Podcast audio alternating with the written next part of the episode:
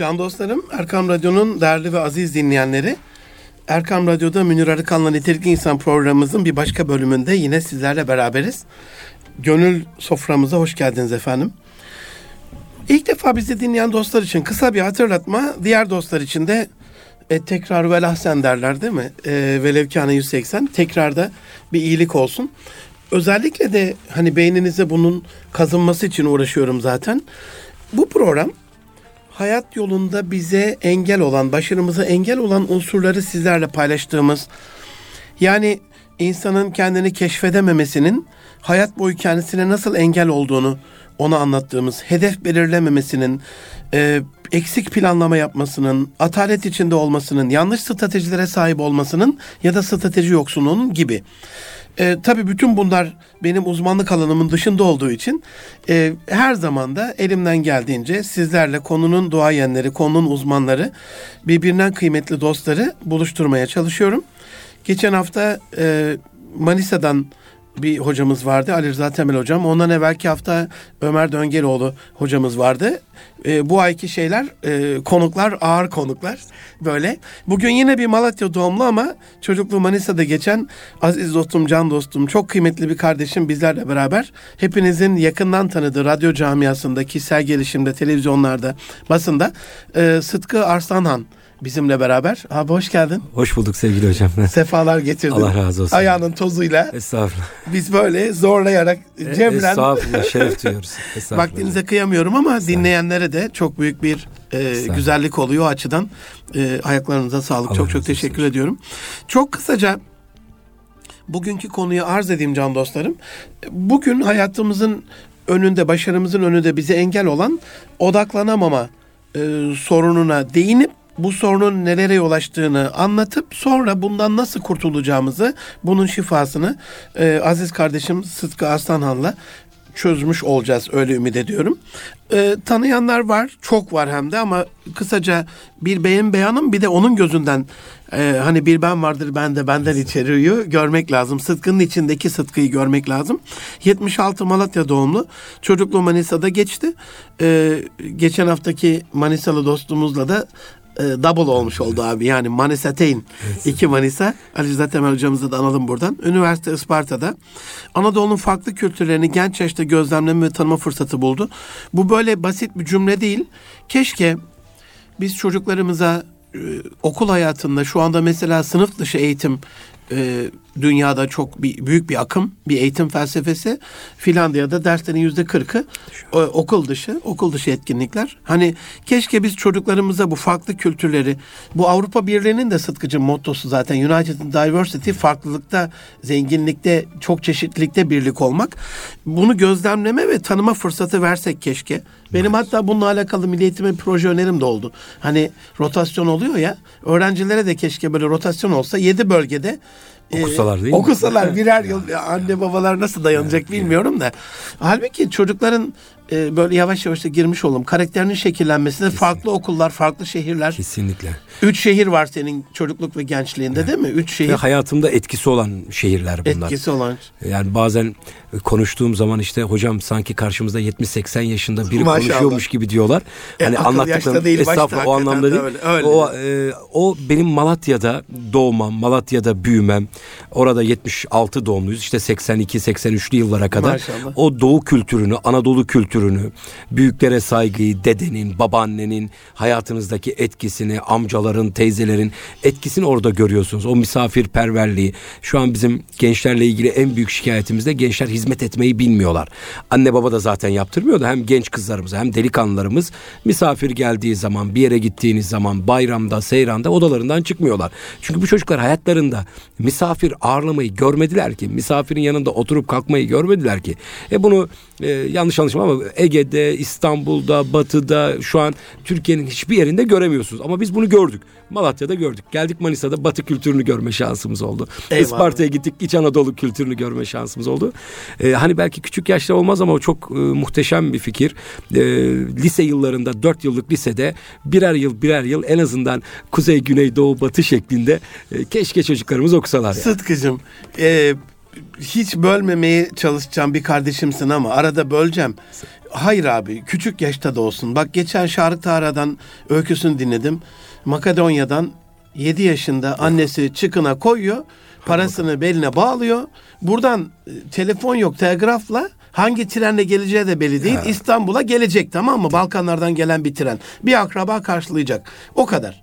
Yani e, anne babalar bu konuda çocukların ayrılığına, farklı iş yapmasına, ayakları üstünde durmasına ne kadar çok erken yaşta başlarlarsa karakter dediğimiz şahsiyet Kesinlikle. geçen hafta da konuştuk. Kimlik e, öyle şekilleniyor. Benim tavrım doğal ortam, biraz daha radikal tabii, tabii. yani. Doğal ortamda şekilleniyor. Evet, Olması evet, gerektiği gibi evet. şekilleniyor. Ama tabii ki bunun sistemi kurulmalı. Belli bir tabii. güven ortamında hani nereye göndereceksin, hangi ortamda kalacak falan ona bakılmalı.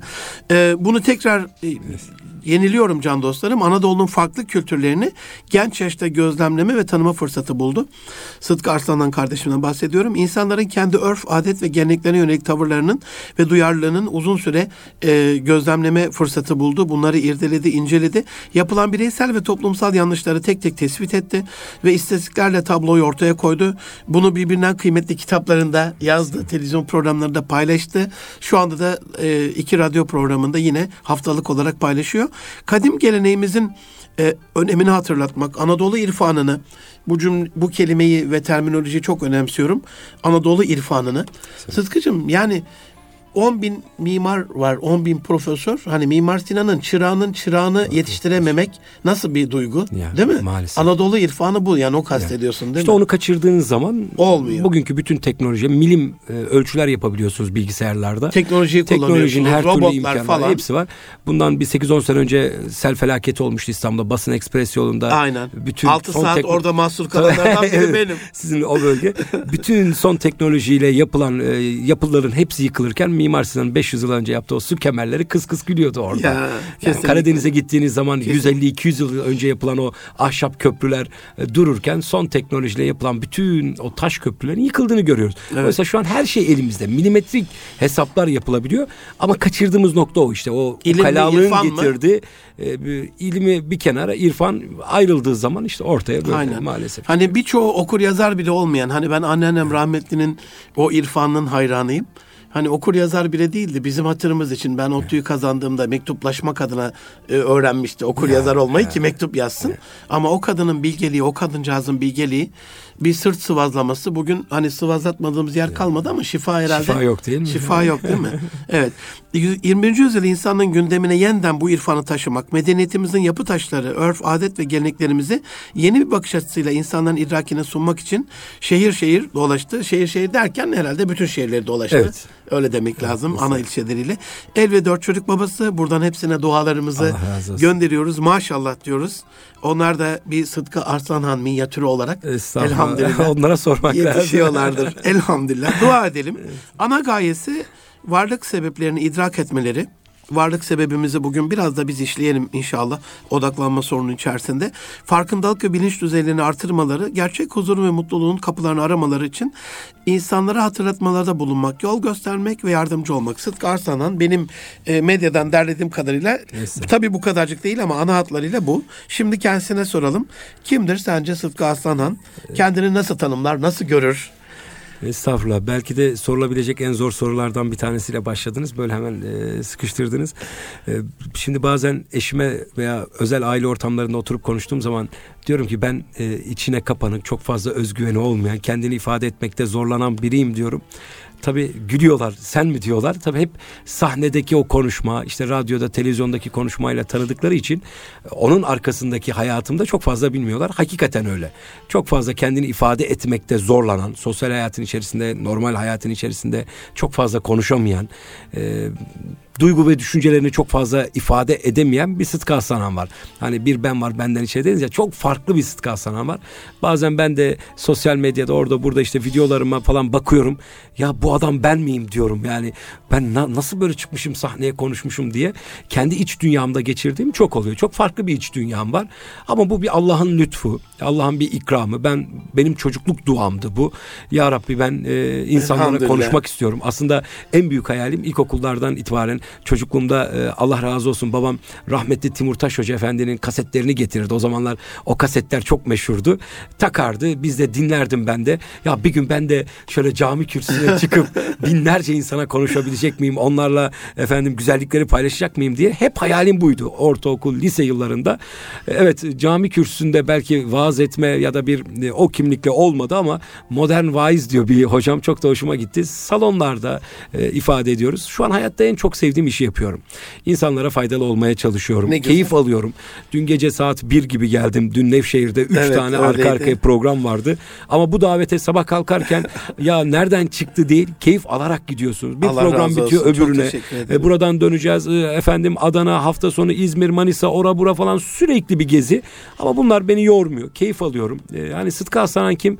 Şu an e, Allah'tan duası kabul olmuş. Mesleki anlamda, iş anlamında duası kabul olmuş. Hayatta en çok sevdiği işi yapan ve bu hayatta da sadece iyi bir kul olmaya çalışan, gayret eden bir insan olarak e, ifade edeyim. Yoksa Eyvallah. şurada doğdu, burada oldu. Şu e, 15 yıldır e, gerçekten severek, arzulayarak, isteyerek, keyif alarak e, yaptığım bir iş var. Bu da benim aile hayatıma yansıyor, sosyal hayatıma yansıyor, insanlarla olan ilişkilerime yansıyor. İnşallah ahiretime de yansır diye inşallah, umut ediyorum. İnşallah yansır. Yani bu bu enerji, bu motivasyon. Sıtkıcığım ben e, birazcık belki yaşça daha büyüğüm senden ama hani akıl olarak asla büyük değilim. Çok takdir ettiğim bir dostumsun.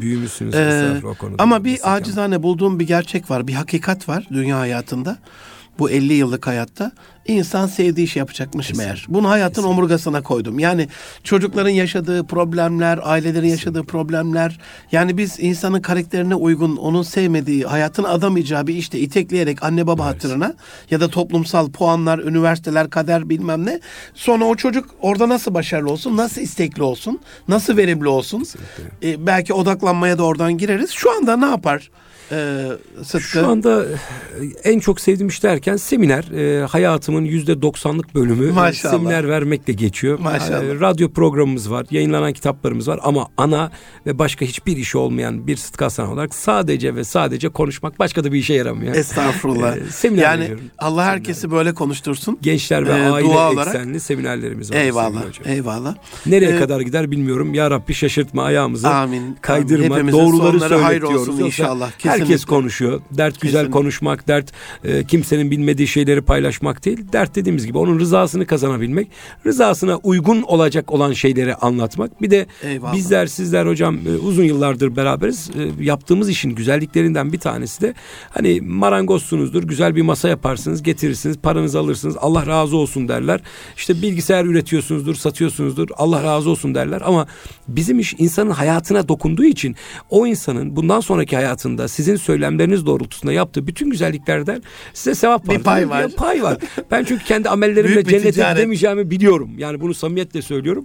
Ama inşallah işte e, Türkiye'nin birçok yerinde gönlüne dokunduğumuz bir inşallah. mazlumun, bir inşallah. kardeşimizin duasıyla inşallah. inşallah Rabbim bizleri affeder diye umut ediyoruz. İnşallah. Çocukluğunda o e, Timurtaş Hoca'nın etkileyici sohbetlerini, vaazlarını söyledin ama hani hayatta da bazen bir kırılma noktası yaşarız. Kendi seyrinde gider ve bir anda bir karar veririz bir şey olmaya. Sendeki bu kırılma noktası neydi? Ben, ne olmak istiyordun, ne oldun ve bundaki o kırılma noktası, dönüm noktası hani onu bilmek çok ister Çok farklı bir çocukluğum var sevgili hocam. 6 yaşına kadar ben Malatya'da dedemin yanında köyde büyüdüm. Ee, dedem okuma yazma bilmez. 90 küsür yaşlarında vefat etti. Alim değil ama Allah arif bir insandı. Eylesin, Bugün evimizde olsun. kimse yok dediğimizde 20 kişiye yatak serilirdi. Babaannem e, yemek kazanın başında, annem ekmek ocağının başında. Bir Allah'ın kulu yemek yemeden gidemezdi orada. Dedem Nakşi'ydi. Babamın dedesi e, Kadiri'ydi. E, gelirlerdi. İşte ayda bir, iki ayda bir, üç ayda bir, 30, 40, 50 kişi gelirler. Bir hafta 10 gün kalır. Orada o bölgede irşat çalışmaları yaparlardı. O zikirlerle, o sohbet sohbetlerle büyüme şansım oldu. O köy meclislerinde dedemin dizin dibine oturup işte gece geç saatlere kadar insanların anlattıkları hikayelerle büyüme şansım oldu. O köyünden belki dışarıya çıkmamış o insanların o hayatlarının içerisinde hangi konuyu konuşursan konuş hani bir ara sırlar dünyası falan vardı. Aslında biz onu çok uzun yıllar önce görmüştük. Yaşadık Hemen diyorsun. zamanın birinde köyün birinde bir adam varmış diye başlayan erdem öyküleriyle büyüme şansım oldu. Televizyonun olmadığı, elektriğin olmadığı olmadığı, e, insanların o mutluluğu ve güzelliği paylaştıkları çok güzel bir hayatım Gönülden oldu. Gönülden nakden aynen öyle, yayın olmuş aynen yani öyle. maşallah. 6 yaşından sonra da Manisa'ya geldim. Bir köy okulunda okudum. 5 sınıfın bir sınıfta yani 1 2 3 4 5'lerin bir sınıfın içerisinde işte 1 2 3'e bir öğretmen 4 5'e bir öğretmenin verdiği çok zor şartlar içerisinde okuma şansım oldu. Ama orada benim kırılma noktalarımdan bir tanesi öğretmenim oldu. Erdal öğretmenim ellerinden öpüyorum. Ee, hakikaten köy çok zengin bir köydü. Tamamen üzüm bağları işte Manisa'da Keçili köy. Herkes işte bağlar, bahçeler. Ben de bir ara o arkadaşlara takılmaya başladığımda beni bir sabah çekti. Dedi ki oğlum dedi bak falanca arkadaşın dedi yarın ilkokulu bitirince traktörün tepesine binecek 200-300 dönüm üzüm bağı şu kadar pamuk şu kadar zeytin şu, şu şu var. Falancanın şu kadar bağı falan var. Sen ne halt diyeceksin dedi bana bir söyler misin dedi. Babam fabrikada işçi herhalde sen de yanına gidip çalışacaksın dedi. Ne yapacaksın dedi bir anda allak bullak gitti. Büyük bir şoklama. tabii bir söz daha söyledi. Senin okumaktan başka şansın yok Süper. diye bir ifade kullanmıştı. O hakikaten benim hayatımda bir dönüm noktası oldu. Köy okulundan sonra ortaokul, lise derken ortaokul yıllarında da, lise yıllarında da hayatımda hep böyle zihin dünyamda e, konuşma vardı. Konuşmakcı olmak. İşte o sohbetlerden... Dedenin dizinin dibinde, dibinde gönül frekansı evet, eşleşmiş evet, abi evet, bir kere. Evet. Onun Maşallah. da çok ciddi bir etkisi var. Ee, hani bir ara dedim acaba hukuk mu okusam, avukat mı olsam e, ama yok siyasal e, olabilir mi? Siyaseti seviyorum konuşma. Ama işte burada hep gençlere de söz. Gençler hani sizin de çok kullandığınız düşündüğünüz her şey gerçek oluyor. Siz hayal kurmaktan korkmayın. Düşünmekten korkmayın. Düşündüğünüz zaman evrene işte Cenab-ı Allah mesajı gönderiyorsunuz. Ya Rabbi ben bu hayatta bunu yapmak istiyorum. Şunu Eyvallah. yapmak istiyorum diyorsunuz. Allah size o kapıları açıyor. Bir şekilde sizi o insanlarla buluşturuyor. Hiç beklemediğiniz bir anda, hiç tahmin etmediğiniz bir anda birileri çıkıyor karşısına. Birileri teklif getiriyor. Bir bakıyorsunuz o havanın içerisinde, ortamın içerisindesiniz. Şu radyo stüdyolar benim 97 98'de İstanbul'a gelirdim. Ee, işte efendim ya radyoda bazı dostları ziyaret ederdik. Acaba bir gün ben de kulaklığı takıp radyoda konuşabilir miyim derdik. Bir seminere gidip izlediğim zaman bir gün ben de çıkıp şu sahnede binlerce insana konuşabilecek miyim? İşte bir kitapçıya gidip kitap aldığım zaman bir gün şu raflarda benim kitaplarım da olacak mı? Bunun hayallerini kuruyorsunuz. Bunu tasavvur ediyorsunuz. Süper. Düşünüyorsunuz. Süper. Rabbinizden talep ediyorsunuz. Ama dönüp baktığım zaman bazen kendime kızıyorum. Oğlum kimden istediğini bilmiyor muydun? Sonsuz e, güç sahibi ya. ol dediği zaman her ya. şey olan Rabbinden niye daha büyük şeyler istemedin diye de kızıyorum. Çünkü hayalimin çok ötesini Rabbim lütfetti. Elhamdülillah. Düşüncelerimin, arzularımın, taleplerimin, duamın çok üstünde bir e, verdi. Bazen kızıyorum. Daha fazlasını niye istemedin diye.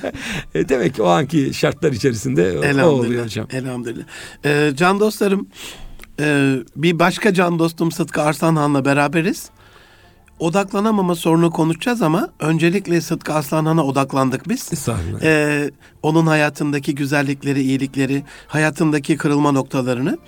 Umarım örnek olmuştur size de o güzel hayatı. Buradan konuya girecek olursak odaklanamama Nedir abi ne görüyorsun? Bütün illeri dolaşan, toplumu gören, dünyayı dolaşan bir dostum olarak.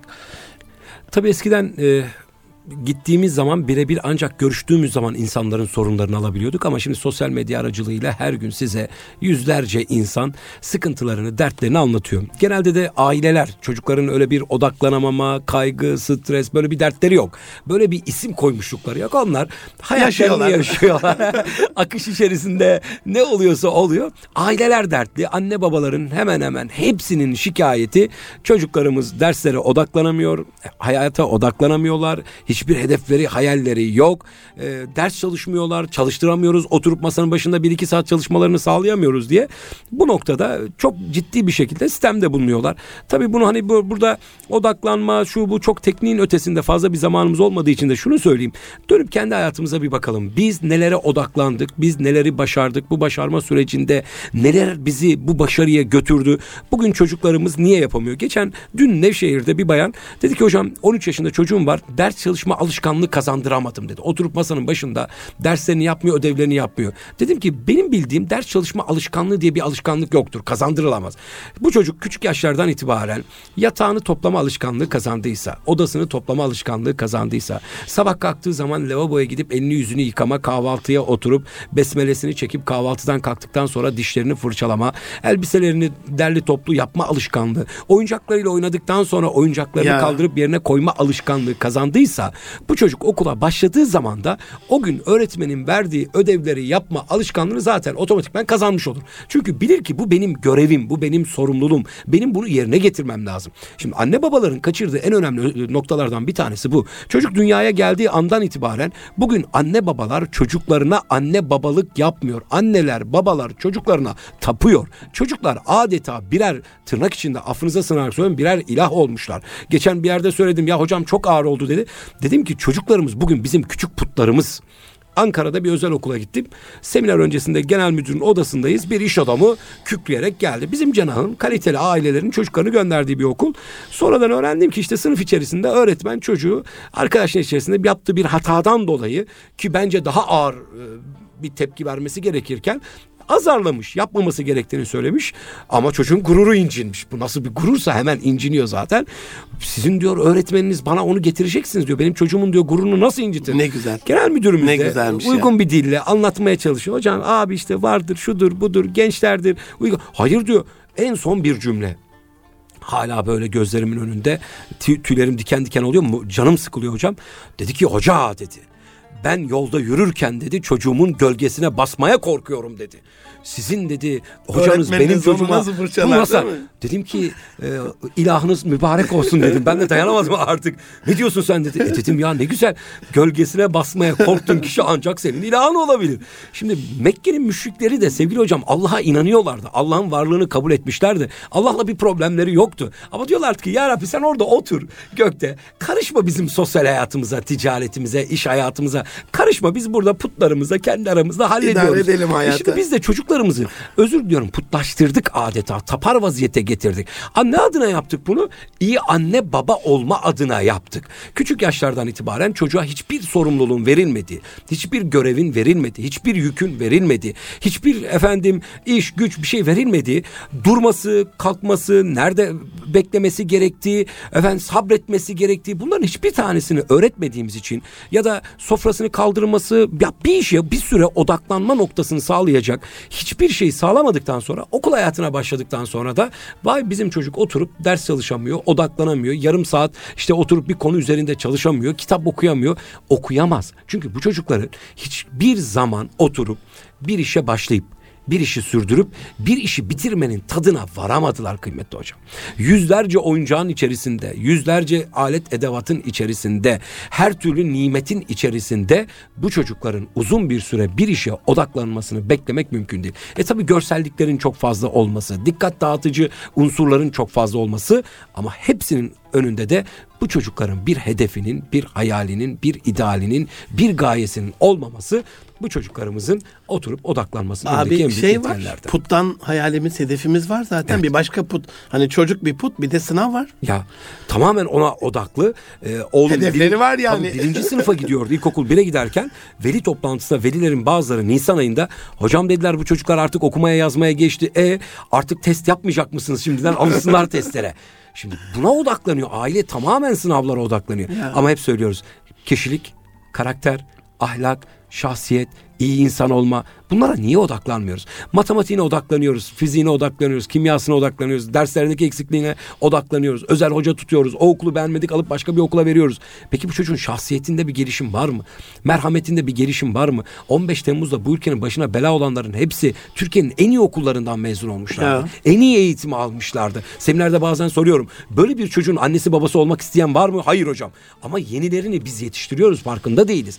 Belki onun gibi olmayacak ama yarın ülkesine farklı şekillerde ihanet edecek. Doktor olacak, avukat olacak, genel müdür olacak, vali olacak, milletvekili olacak ama zulmeden, hainlik yapan bir insan olacak. Çünkü merhameti öğretemedik biz çocuklarımıza. Biz alçak gönüllü mesela basit bir şey.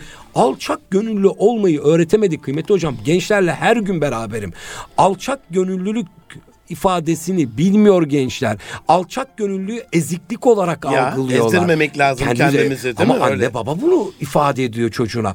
Özgüveni ukalalığı, saygısızlığı, edepsizliği bir özgüven olarak alıyoruz. Sokakta 80 yaşındaki bir amcaya cevap vermeyi tırnak içinde onların ifadesiyle kapak yapmayı bir gurur meselesi olarak görüp övünebiliyor ve aile de bunu çok normal normal olarak görüyor.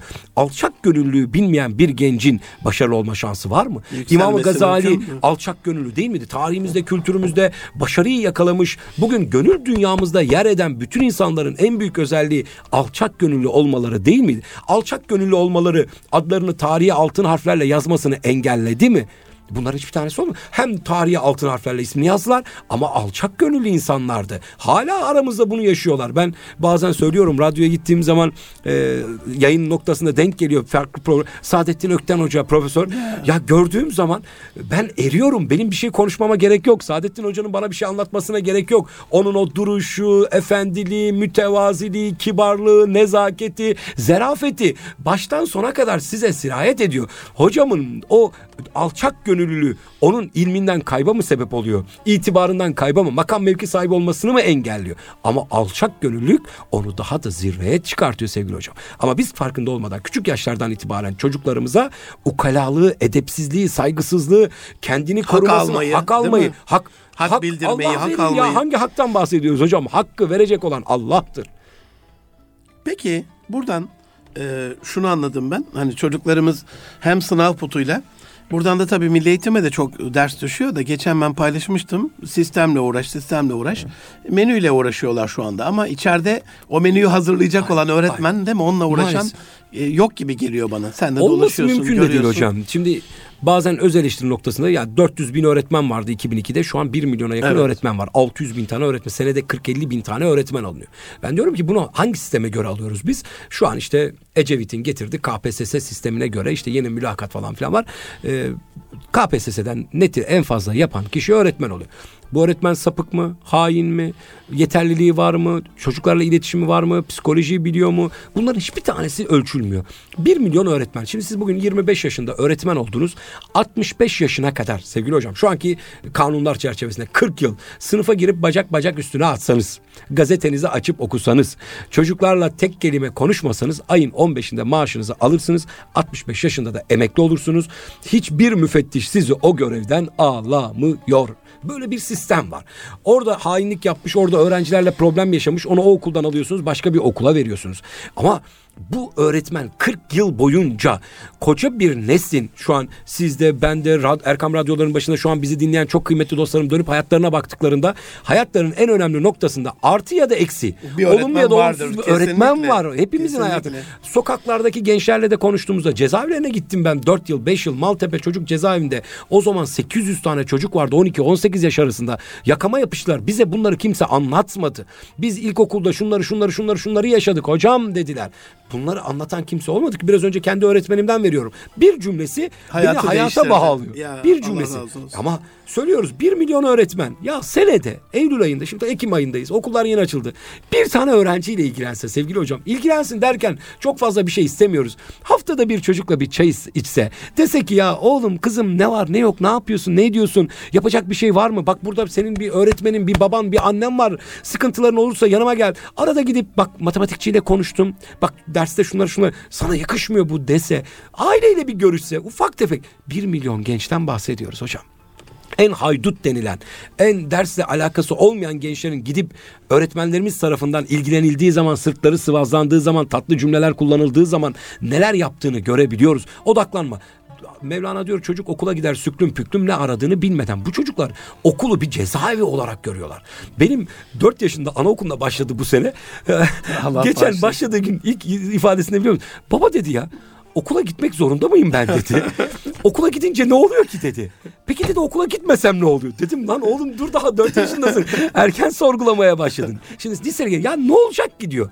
Bakıyor düğün vardı yine. Hocam diyor lise okusam ne olacak ki diyor. Ya fizik, kimya, biyoloji, matematik bunların bize ne faydası var ki? Bunu kullanmaya başlıyor. Çünkü ne aradığını bilmiyor. bilmiyor. Onun bir araç olduğunu, asıl amacına ulaşmak için lisenin, üniversitenin, üniversiteye gittik hocam siz Türkiye'nin en iyi üniversitesinde okudunuz. ODTÜ'de okudunuz. ODTÜ mü size kazandırdı? Hayat mı size gerçekleri kazandırdı? Tabii ki hayat. Dönüp baktığımız Tabii zaman üniversitenin mutlaka artıları var ama hedefiniz, hayalleriniz, idealleriniz onların hepsi araç. Biz bugün araçları maalesef çok önemsiyoruz. Amacımıza odaklanamıyoruz. Amaç yok ki araçları kullanalım. Dün işte Nevşehir'deydim. İstanbul'a gelmem lazım. Havalanı nerede var? Kayseri. Kayseri'ye geliyorsunuz. Kayseri'den uçağa biniyorsunuz. E, amacınız bugün sabah evden kalktım. Amacım radyoya gelmek. Allah razı olsun. Yolunu buluyorsunuz, Eyvallah. geliyorsunuz. Ama bugün çocuklar rüzgarın önündeki yaprak misali nereye gideceklerini bilmiyorlar. Yani bir hedef varsa bir, odaklanacağın şey de ortaya çıkıyor e, otomatikman. Ayette ne diyor? Bir işten boşaldığın zaman hemen yeni Amen. bir işe başla. Hemen. Ya bugün çocukların hiçbir işi yok ki yeni bir işe odaklansınlar. Hangi işe odaklı? Ayet bir işten boşalınca hemen yeni bir işe başla. Hani Anadolu'da tüfekle oynadığında aman evladım boş tüfeği şeytan. Şeytan boş tüfeği doldurmaz. Şeytan boş insanı dolduruyor. Bugün gençler boş olduğu için şeytan dolduruyor. Aletler de çok fazla. Hani biz yine şanslıydık çocukluğumuzda. Cep telefonuyla o bir dakika on dakika derse odaklanamayan çocuğa ben diyorum ki sabaha kadar bilgisayarda bir oyuna nasıl odaklanıyor? Ya Saatlerce. Saatlerce WhatsApp'ta, Twitter'da nasıl odaklanabiliyorsun? Bir diziyi saatlerce nasıl izliyorsun? Eğer bu çocuklarda dikkat ve odaklanma problemi varsa bu çocukların bilgisayara da odaklanmaması lazım. Aynen. Cep telefonuna da odaklanmaması lazım. Oturup 3 saat bir filmi, bir sinema filmini de izlememesi lazım. Ama bunu yapıyorlar. Nargile'ye de benim liseli, üniversiteli gencim saatlerce nargileye odaklanabiliyor. Ama hayata odaklanamıyorsa orada o zaman farklı bir problem var. Demek ki kişisel odaklanma sorunu diye bir şey yok. Kesinlikle. Odaklayamama sorunu bir üstlerin grup. Mutlaka bir üst gruptaki öğretmenlerin, sistemin, Kesin, anne babanın kesin. problemi gibi çıkıyor Tabii ortaya. Ya mutlaka sizler de biliyor psikiyatrik, zihinsel olarak odaklanma, dikkat dağınıklığı çok ciddi boyutlarda ilaçla tedavi edilmesi gereken ama emin olun bu yüzde birdir, yüzde üçtür, yüzde beştir. Yüzde doksan beş, yüzde doksan dokuz tamamen hedefsizlik ve amaçsızlıktan kaynaklar. Öğretmenlerimiz şimdi sınıfa girdiğinde çocukta bir merak uyandıramıyor ki sevgili hocam. Derdi bu çocuğa artı şimdi seminerde artık söylüyorum sevgili hocalarım sizden sadece ricam ya dersiniz mesleğiniz bölümünüz ne olursa olsun bir noktada şöyle kalemi tebeşiri tahtayı bir bırakın. Dönün şöyle hepsinin bir gözlerinin içine bir bakın. Yüreğinizi yüreklerini bir avucunuzun içine alın. Bazen bir kelime bazen bir cümle söyleyin ve dersi terk edin çıkın gidin o çocuklar onu alacaklardır. Trabzonlu bir dostum 80 ihtilali sıkıntılı dönemde Trabzon Lisesi'nde okuyordum dedi. Lisede kan gövdeyi götürüyor sağa sol çatışmaları öğretmenleri her gün dövüyorlar ama bir hocamız vardı fizik hocamız yanılmıyorsam öyle demişti. Bütün öğrenciler ona hayran sağcısı solcusu. Özelliği neydi peki dedim. Sıtkıcım dedi derste bir öğrenciye bir şey söyleyecekse gelir kulağına evladım şunu şöyle yaparsan çok mutlu olurum Süper. der. Koridorda asla oğlum kızım gel bakayım buraya demez. Gider oğlum şu davranış sana hiç yakışmadı. Ben seni çok seviyorum. Bunu böyle yapma olur mu? Tamamen gider onun kulağına söylerdi. Onun yanına gider sırtını sıvazlar sarılır ona ne söyleyecekse söylerdi. Bütün öğrenciler o öğretmene hayrandı hocam dedi. Şimdi çok basit bir e, etken, e, eylem. Matematikçi çok iyi bir matematikçi olmasına gerek yok. Çocuk matematiği severse, hocayı severse kızım okula başlayınca ilkokula Allah biraz başlasın. içine kapanıktı. Öğretmenine dedim ki çok kaliteli bir hocam. Hocam dedim bizim kız biraz içine kapanık. Yani bu kız o da babası gibi sıkıntı... içine kapanıksa evet, sıkıntılı. Türkiye bir tane daha kazandı yani. sıkıntılı. Bu kızın okulu sevmesi lazım dedim. Sıtkıcım inşallah sever dedi. Ama hocam dedim sorun şu. Bu kızın okulu sevmesinin dünyada bir tane yolu var. Nedir dedi? Sizi sevmesi lazım. Ya. Sizi sevecek ki okulu sevsin. İnşallah sever dedi. Ama hocam dedim sizi sevmesinin de dünyada bir tane yolu var. Nedir dedi? Sizin onu sevmeniz lazım dedim. Siz severseniz o sizi sevecek. Sizi sevince okulu sevecek. Süper. Büyüklerimizin güzel bir sözü var mürit mürşidi sevmeden önce mürşit müridi severmiş. Mürşit müridi sevdiği için mürit sev. Biz de zannediyoruz ki biz falan hoca efendiyi çok seviyoruz hocamızı. Müntesibiz, bağlıyız yani, falan. O seni sevmese sen nereye seveceksin? Resulullah seni sevmese, Rabbin seni sevmese sen nasıl seveceksin? Ama işte o sevgiyi uyandırabilmek sevgili hocam. Uyandırabilse benim öğretmenim sınıfta, çocuğu kendine bağlayabilse, kendine odaklayabilse zaten derse de çocuk odaklanacak. Çocuğun Önde, o dikkat dağınıklığı falan gidecek. Bir hedef koyabilse koyabilsen, bir hedef koyabilsen çocuğun önüne Buna ideal koysan. Tabii dün fen lisesi öğrencileri vardı Nevşehir'de. Etrafımız vardı. Dedim ki çocuklar sakın üniversite hayaliniz olmasın. 12. sınıf. Niye? Oğlum zaten hepiniz Türkiye'nin en iyi üniversitelerine gideceksiniz. 487 puandan aşağı gelen yok buraya. İTÜ'ye gideceksiniz, Yıldız'a gideceksiniz, tıpa gideceksiniz. Ama ne olur hayaliniz üniversite olmasın. Şu ülkeye bir artı değer katacak bir buluşunuz olsun ya. Bir buluş yapın ya. Ya işte İnşallah. şu an İHA'ları yapan İnşallah. genç kardeşlerimiz ya, gibi. Ya. ya bir tane adam Türkiye'nin kaderini değiştiriyor mu? Değiştirebiliyor sevgili hocam. Kartal'da Kesinlikle. askerin dikim evinde 1979 yazıyor kapıda. Bu ne demek? Bu millet askerinin pantolonunu 79'da dikmiş hocam. Düne kadar toplu iğne üretemeyen bir millettik. Ama bugün ne oldu da tankını, tüfeğini, şuyunu, buyunu, savunma sanayisini bula yapabilen bir nesil haline geldi. Yurt dışına gidiyorsunuz. Daha uzun yıllar da kaldınız. Benden daha iyi biliyorsunuz. Literatürüne de hakimsiniz kıymetli hocam.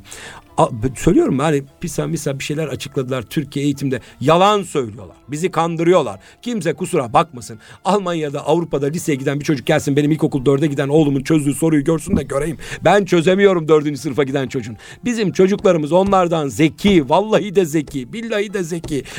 Milliyetçilik olsun diye söylemiyorum hocam. Sizler de şahit. Problem onlar o orta zeka seviyesi hatta altında olan çocukları müthiş bir eğitim sisteminden geçirerek olabildiğince biri 50 yapıyorlar. Biz zaten doğuştan 50 olanı ona nasıl indiririz bunun derdine düşüyoruz kıymetli hocam. Yoksa bizim gençlerimizin yapamayacağı hiçbir şey yok ki. Bu adamlar bizim genlerimizi iyi biliyorlar. Bizi bizden iyi tanıyorlar. Şu an Türkiye'de siyasi e, işe girmeyelim. Siyasi gelişmelere dönüp baktığımızda dün adam yerine konulmayan memleket ne oldu? Geçen Almanya'dayım. Hocam diyorlar Alman başbak Cumhurbaşkanını kimse tanımıyor. Herkes Tayyip Erdoğan'ı Almanya'nın başbakanı Cumhurbaşkanı zannediyor. E dün kimse bizi kale almıyordu. Kimse bizi adam yerine koymuyordu. Amerika dönüp bize bakmıyordu Adımız bile. geçmiyorken ne ana oldu? gündem oldu Ama siyasette. bu milletin, bu ülkenin gençlerinin ayağa kalktığı zaman, hayallerini, ideallerini, hedeflerini belirlediği zaman neler yapabileceğini çok iyi görüyorlar. Onun için hep söylüyoruz gençlerimize model gösterin. Öğretmenlerime söylüyorum. Bir yıl ders anlatacağınıza alın o çocukları örnek alabilecekleri bir şahsiyete götürün. Biraz önce Saadettin Turgut Cansever hocam Allah rahmet eylesin. Ya bu ülke dünyanın saygıyla önünde eğildiği Turgut Cansever hocayı biz göremedik, tanıyamadık, götüremedik. Çocuklarımızı tanıştıramadık sevgili hocam. Fuat Sezgin Hoca Allah hayırlı uzun ömürler amin, versin. Amin. 92 yaşında Almanya'ya gittiğinde meşhur hikaye kendisinden duydu bu kulaklar. Alman hocası çağırıyor oğlum Fuat diyor günde kaç saat çalışıyorsun? Efendim diyor 10-12 saat. Oğlum Fuat siz Türkler günde 18 saatten aşağı çalıştığınızda başarılı olacağınızı mı zannediyorsunuz? Yemin ediyor Fuat Hoca. Hocam, Alman hocam günde 24 saat çalışırdı. 26 saat olsa gün 26 saat. 80 küsur yaşına kadar o günden itibaren 18 saatten aşağı çalışmadım. Son günlerde biraz rahatsızlığım var. 12 saatten fazla çalışamıyorum diyor. 92 yaşında 27 tane yabancı dili ana dili gibi konuşuyor. Allah rahmet eylesin Marmariyat'ta Bekir Topaloğlu hoca vefatından önce bir arkadaşım ziyaretine gitti talebesi. Bakmış üzgün. Hayırdır hocam rahatsızlığın mı? Yok oğlum demiş. Bu rahatsızlıktan dolayı günde 10 saatten fazla çalışamıyorum. Onun için üzgünüm. Şimdi biliyorlar hocam neler yapabileceğimizi. Çünkü tarihin ortada, genlerin ortada, dedelerin ortada, Tam da bu noktada ortada. Sıtkıcığım şeye girsek Fatih Sultan Mehmet'e. Tam sen böyle coşmuşken. şimdi bak odaklanamama sorunu yok demek ki. Ya. Fatih Sultan Mehmet 13 yaşında bir fete odaklanıyor. Evet. Ama yani 630'larda verilen bir müjde var. Leteftahaner Konstantiniye. 823 sene sonra gerçekleşiyor bu fetih. Yani bu bir süreklilik de arz ediyor değil mi? Yani odaklanma, hedef büyük olursa. Şimdi daha önce babası da uğraşıyor. Dedeleri de uğraşıyor ama nasıl uğraşıyorlar? Hani baktığım zaman, okuduğum zaman ya İstanbul'u Konstantinye'yi alsak iyi olur. E, iyi olur değil. Ama biri çıkıyor ben alacağım. ben alacağım diyor. Yani Onun alayım. hayat hedefi o. O başka bir şey yok. E, ben de buradan geç. Hocam İstanbul fethedildi. Ama tamam da bir hadis daha var. Roma da fethedildi olacak diyor. Ya. ya bu Roma yerinde duruyor. Fethet kardeşim işte. Hedefler bitmiyor ki. Bak İstanbul tamam. İstanbul Fatih'e nasip oldu. Hani buyur kardeşim sen de Roma. Roma'nın fethinin müjdesi var hocam. Belki sana nasip olacak. İşte o, o ya Selahaddin Eyyubi'nin Kudüs'le ilgili olan o odaklanması. Ya Kudüs'ü alana kadar gülmeyeceğim diyor. Gülmüyor hocam. Bunun gibi bizim de illa büyük olması da gerekmiyor. Küçük hayatımıza küçük anlamlar katmamız lazım. Anlam abi, verecek abi, Ya Anadolu'ya gittiğimiz zaman bir hocam bağlanmak. Ben bazen seminerlerde anlattım Sivas'ta su dağıtan amcadan. Hayatı ne biliyor musun hocam? Ömrü su dağıtmakla geçiyor. Oğlu dedi ki niye dağıtıyordu biliyor musun hocam? Bir hadisten dolayı. Babam bir gün bir hadis okuyor. Günahı çok olan su dağıtsın. Maşallah. Şimdi, şimdi bak bundan daha güzel bir hayat anlamı olabilir ya. mi? Her yerde su dağıtıyor insanlara. Bundan daha anlamlı. Ya büyük şeyler eyvallah. İstanbul'u Roma'yı fethedelim, dünyayı fethedelim, ilim adamı, profesör olun, buluşlar yapın, yerli uçağımızı, tanklarımızı üretelim. Ama öbür tarafta da bir başka hedefi, hayali, ideali olan insanlar olsun. Bunları da yapalım. Ya küçük hedefler belki ama anlamlı hedefler. Bir şeye odaklanalım kıymetli hocam en iyisini yapmaya. Hani biz elin gavurun şeyini alıyor. İşte çöpçü de olsan dünyanın en iyi çöpçüsü ol. Bilmem falanca gibi süpür. Ya benim bu sözleri almaya ihtiyacım yok ki. Bir ara e, işte Ferrari'sini satan Bilge hocam bak muhteşem bir kitap. Okudu. Evet güzel. Ya Ferrari ne ki ya? Adam avukatlığı bırakmış bilmiyorum. İbrahim Ethem Hazretleri tahtı tacı bırakıyor. Aziz Mahmut Hüdayi Hazretleri ya, kadılığı bırakıyor. Kardeşim ya. ya. Saltanatı bırakıyor. Ferrari dediğin 800 bir, bir, bir milyonluk araba. Avukatlığı bırakmış, zenginliği bırakmış, gitmiş Budistlerin içerisinde öğrenmiş. Niye Niye ben kendi dervişlerimin kerametini anlatmıyorum? Niye o irfan geleneği dedi ki Anadolu kültüründe şu an bile gidin Anadolu'ya kırklardan, yedilerden o kadar güzel teyzeler. Çankırı'ya gitmiştim yıllar önce. Allah razı olsun büyükler gezdirdiler. Dedim ya hep ölüleri gezdirdiniz. Burada yaşayan e, güzel süper, canlı süper. yok mu? Var dediler. Bıçakçı dede diye bir mübarek zat var. Şeyh falan filan değil. Ama dediler hocam büyük ihtimalle kırklardandır dediler. Dinleyen Çankırılı dostlar biliyorlardır. Gittim 90 yaşlarında nur yüzlü pamuk gibi hocam böyle yiyesiniz geliyor Maşallah. bir amca. Benim kim olduğumu neden geldiğimi bilmiyor. Bize çay ikram etti. Daha hiçbir şey konuşmadan Evladım dedi biliyor musun dedi. Bu ara dedi boşanmalar almış başını gidiyor. Ailelerin hali perişan. Ülkede aileyle ilgilenmek lazım aile. Yanımdaki hocam dedi ki dedecim dedi bu hoca da akşam aileyi konuşmaya geldi. Başını salladı. ya, ya bunlar gönül insanları. Ya. Sevgili hocam gönül bizim başka yere. Beni eleştiriyorlar şimdi. Geçen bazı yerlerden yurt dışından psikolog Ya Sıtkı Bey e, çok güzel konuşuyorsunuz. Harika konuşuyorsunuz. Güzel tespitleriniz. E, anlattıklarınız ama psikolojiye dayandırmıyorsunuz. Hangi psikoloji? Psikoloji dediğin senin batı. Freud'a mı dayandırayım? Adler'e mi dayandırayım? Erikson'a mı dayandırayım? Maslow'a mı? Kime dayandırayım? Benim anlattıklarımın psikolojide yeri yok ki. Batı'da ahlak mı kaldı? insan mı kaldı? Aile mi kaldı? Adapazarı'nda çok kıymetli bir hoca efendi var. Psikolojik sorun yaşayan, depresyonda, bunalımda olanlar gider muska yazsın diye ricada bulunurlar. O muska yazmaz. Bir tane tavsiyesi var sevgili hocam. Birazdan biz de yapacağız burada inşallah. Evladım git bir cömert arkadaşının yemeğini ye. Ki şifa olsun hadis, sana. Hadis, Muhteşem. Hadis. Muhteşem. Cömertin ikramı şifa, az, e, cimrininki azaptır. Gider yer ve şifa, şifa bulur. Ben kendi hayatımdan biliyorum. Böyle yoruldum be bir dostum arıyorum. Abi bana çoktandır yemek ısmarlamadın. Şimdi bunu hocam buyur getir siz bütün literatür bana bunun psikolojideki yerini getirin gösterin hocam. Ben bunu hangi psikolojiye yerleştireceğim? Cömertin ikramı şifadır kardeş. İmam Gazali Hazretleri diyor ki çocuklarınızı açlıkla terbiye edin. Ya. Vay efendim psikologlarımız ayağa kalkıyor eğitimcilerim. Çocuk nasıl aç bırakılır? Bal gibi aç bırakılır. İşte hepsi tosuncuk oldular. Yedir yedir yedir yedir yedir efendim. Çocuk okuldan, obezite. Tabii çocuk okuldan geliyor. oğlum daha beş dakika sonra ya ne geberdim ya bir dur oğlum bir dur bir dur. Bir dur ya canınıza okuyor. Beş dakika sofranın kurulmasını sabredemeyen bir nesilden bahsediyoruz kıymetli hocam. Hangi sabırdan, hangi odaklanmadan? Öğrencilerle, ilkokul öğrencileriyle çalışırken bir ara özel bir grup çalışması yapmıştım. Ee, kek yaparız. Böyle fırın yakarım ortaya. Biz etrafında o keki koyarız içine. Pişmeye başlar koku gelir. Hocam hadi dayanamıyoruz falan. Açarız. Bakın çocuklar nasıl kek yenilir mi? Çamur gibi yenilmedi. Niye? Sabretmediniz. Beklemediniz acele ettiniz. Öncesinden açılınca zamanı gelmeden sabretmeyince bakın o mis gibi kokan kek yenilmez bir hale geliyor. Ben mesela kendi çocuklarıma oyun oynarız. Evde televizyon, internet, bilgisayar olmadığı için pirinçle bulguru karıştırıyorum. Pirinç ve bulgur ayıklama yarışması yapıyoruz. 45 dakika sürüyor. Bazen bir saat. Hani o odaklanamayan çocuklar bak nasıl ya, pirinçle bulguru ayıklıyorlar. Ya. Anne baba beraber bir faaliyet e, yapıyor. E, sevgili çünkü. hocam bizim odaklanmadaki en büyük avantajımız neydi? Biz çocukluğumuzda oyun oynuyorduk. Sokakta oynadığımız oyun diye oynadığımız oyunlar aslında bizim hayatımızı, yöneticiliğimizi, kişiliğimizi, her şey karakterimizi şekillendiren seksek şey oynardık.